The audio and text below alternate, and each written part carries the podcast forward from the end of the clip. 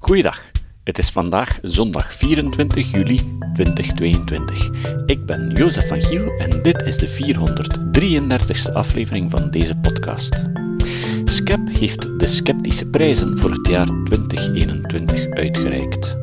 Op 13 juni werd deze plechtigheid georganiseerd in het Lambotte Museum van de geschiedenis van de gezondheidszorg in Antwerpen. Vandaag horen jullie wie de laureaten van de zesde vijs waren. Volgende keer horen jullie de toespraak van de winnaars en tenslotte het laudatio voor de sceptische put. De zesde vijs 2021. Welgekomen allemaal. Welkom op de uitreiking van de Sceptische Prijzen 2021. De reden dat ik Jurgen hier naar voren heb geroepen is, uh, ik ben wel een mentalist, hè. ik maak gebruik van trucjes, maar Jurgen is... Ah, het is de zoon, dus zit in de familie. Ja, het is, het is, het is een echt een helderziende. Is een echt een helderziende. Het zit namelijk zo, op Nerdland hebben wij een experiment gedaan, het experiment rond Wisdom of the Crowds. Hè. Uh, we hadden een bokaal gevuld met snoepjes en um, mensen moesten dan raden hoeveel snoepjes dat er in die bokaal zaten. Nu, uh, de theorie rond Wisdom of the Crowds zegt ons dat als genoeg mensen, als een, genoeg, uh, een groep die groot genoeg is, een gok geeft, en we gaan die allemaal optellen en daar de mediaan van, van, van nemen, dan zou die mediaan preciezer moeten zijn dan elk individuele gok. Nu, in de pot zaten 2028 snoepjes, als ik me niet vergis. 2082 snoepjes. En de jonge man hier zat er bonk op. En daarom willen wij van Skep uit een prijs geven. Um, deze uh, mensen krijgen een gratis jaarabonnement op Skep. En mogen van onze sceptische boekenreeks drie boeken kiezen. Geef een applaus, dames en.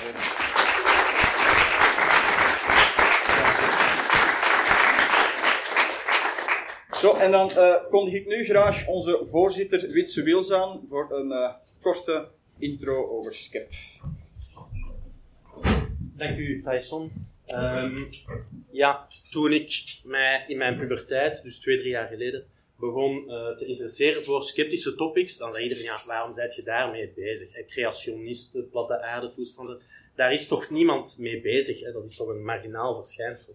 Nu, als ik dan aan de universiteit kwam, een van de eerste dingen die ik meemaakte was een groot debat. En dan heb ik een hele aula zien applaudisseren voor creationistische denkbeelden. En natuurlijk, later in de klinische praktijk, hè, ik ben arts, dan zie je wat alternatieve geneeskunde zoal aanricht. En ik denk dat er nog nooit een uh, periode geweest is in de recente geschiedenis dat zo duidelijk is geworden dat ook zeer intelligente mensen onwaarschijnlijk rare dingen kunnen geloven.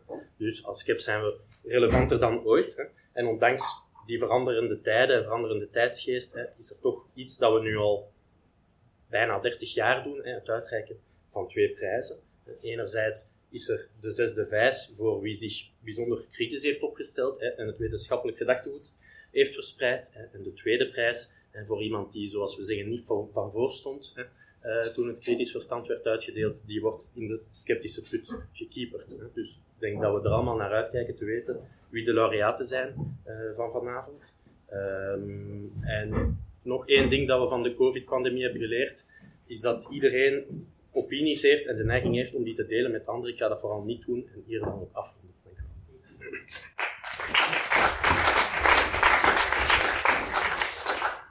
Oh, en dan uh, komt nu uh, Marleen Finoost met uh, de laudatio voor de sceptische uh, de zesde prijs.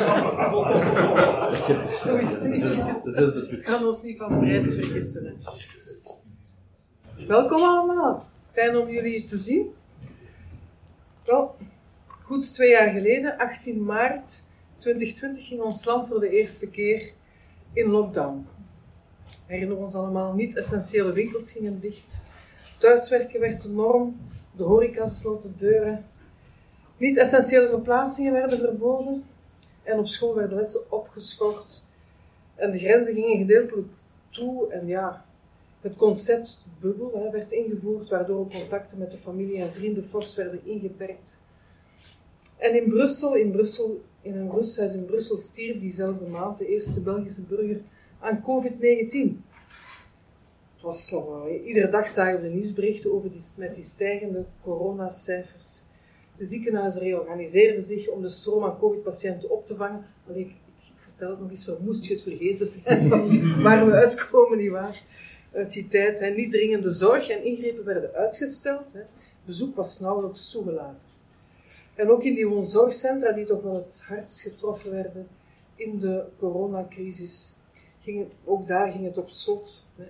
En overheid en experten staken de koppen bij elkaar om een beleid uit te stippelen dat voortdurend moest worden bijgestuurd. We hebben het begrip voortschrijdend inzicht leren kennen in de pandemie. En in, aanvankelijk leek het nog allemaal spannend en van korte duur. En ik herinner mij, iedere avond om acht uur stonden wij te applaudisseren voor de zorgverleners. zorgverleners in de, vuur, in de vuurlinie. Maar dat is gaandeweg gekanteld. Mensen verloren hun geduld, verloren hun job, bedrijven gingen over de kop. De cultuursector ging ook kopje onder. De mentale problemen bij jongeren namen alsmaar toe en wij begonnen ons toch allemaal wel te ergeren. En de experten die eerst de hemel ingeprezen werden, ja, die kregen het soms te zwaar te verduren. En sinds dat nieuwe virus hier rondwaart, trachten wetenschappers wereldwijd kennis te vergaren. En er verscheen een ongezien aantal publicaties over het nieuwe coronavirus. De infectiologie, de leer van infectieziekten, waar eigenlijk in de medische wereld toch lang meewarig naar gekeken werd, is uh, ondertussen ook erkend als een volwaardige specialistische discipline. En wij leefden eigenlijk decennia lang, en ik bedoel, hè, wij, de, de mensen, met in de veronderstelling dat we de virussen en bacteriën wel overwonnen hadden, hè, met vaccins en antibiotica en die recente epidemieën, SARS in, het, in het oosten, ebola in Afrika, dat leek eigenlijk allemaal ver van ons bed. Dat werd hier wel buiten gehouden. We hadden daar de middelen voor. We lagen daar niet wakker van tot, tot twee jaar geleden natuurlijk. Dan is het veranderd. En dat niet stuitte coronavirus dat over de wereld raasde, dat opende wel de ogen in het Westen. Europa was echter niet klaar voor die pandemie. En ja, eigenlijk was de hele wereld niet klaar voor de pandemie. Er moest nog heel veel geleerd worden. En wij kijken met z'n allen verwachtingsvol, of toch bijna allemaal met allen, verwachtingsvol naar de medische wetenschap. En we hingen aan de lippen van onze corona-experts. Mark van Ranst, Erika Vliegen, Pierre van Damme, Steven van Gucht, Geert Molenbergs en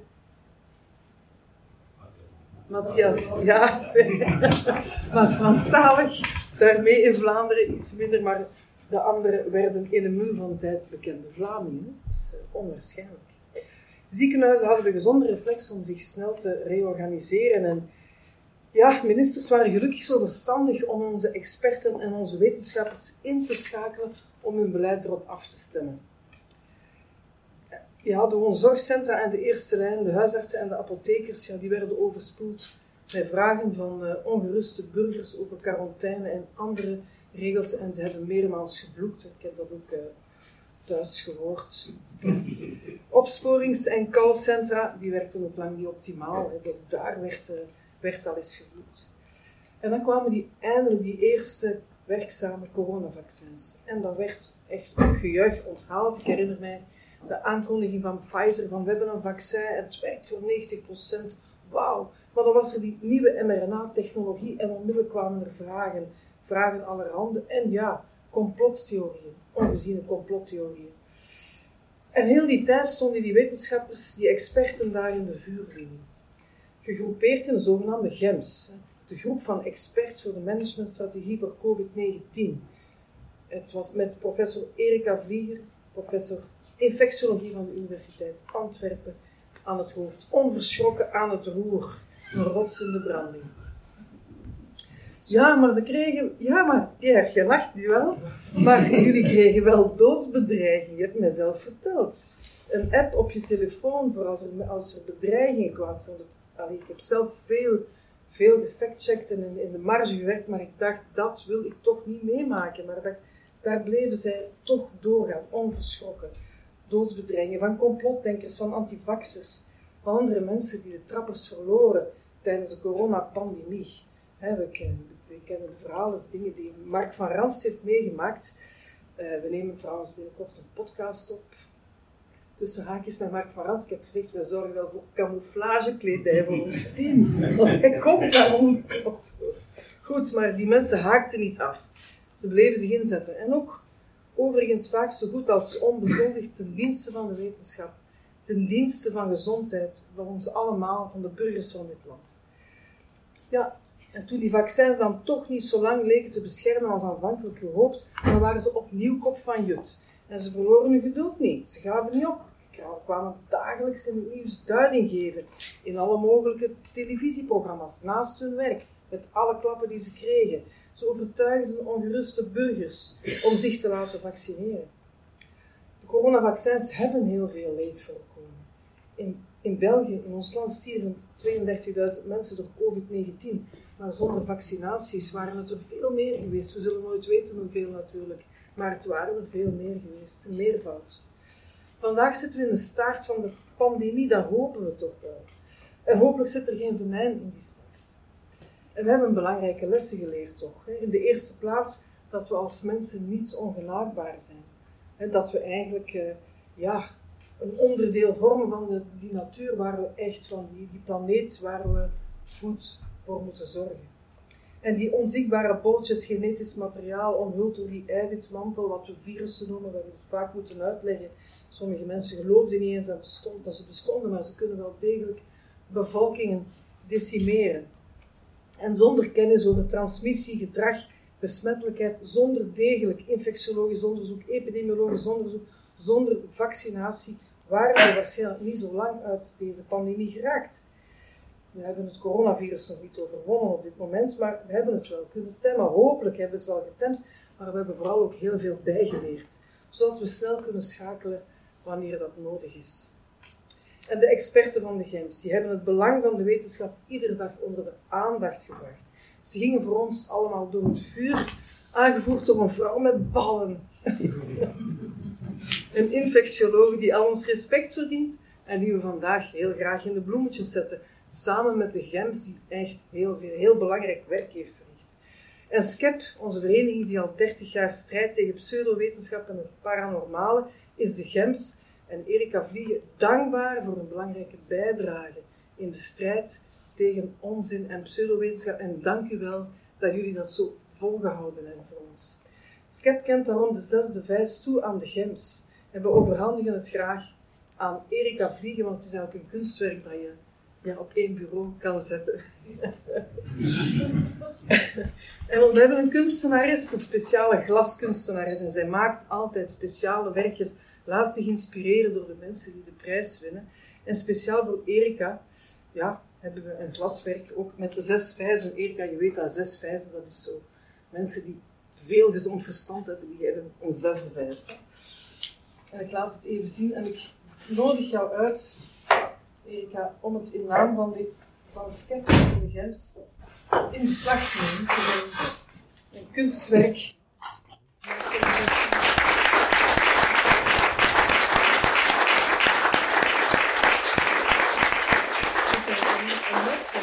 Een netwerk, van experten. Dat zijn die wijzen en die grote wijs hier.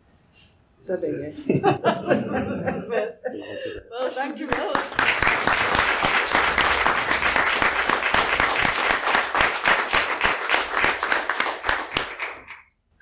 mag nu niet meestraten. Voor de eerste keer roos, maar ga je het dan inzetten, alsjeblieft. Dat is uh, inspirerend. Het citaat. Het citaat van vandaag komt van Hans Rosling. Op pagina 113 van Feitenkennis schrijft hij: Kritisch nadenken is altijd moeilijk, maar wanneer je bang bent, is het vrijwel onmogelijk. Als je brein bevangen is door angst, is er geen ruimte voor feiten. Tot de volgende keer.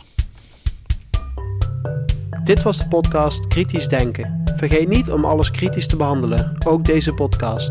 Voor verdere informatie over deze podcast, links en voor de tekst, surf naar www.kritischdenken.info. Als je deze podcast belangrijk vindt, kun je me steunen door anderen warm te maken ook eens te luisteren. Stuur een e-mail naar vrienden met een link naar de website en plaats de link in de handtekening van je e-mails. Tevens kun je op iTunes deze podcast een beoordeling geven of een recensie schrijven. Of je kan op je eigen website of blog een link naar kritisch denken plaatsen.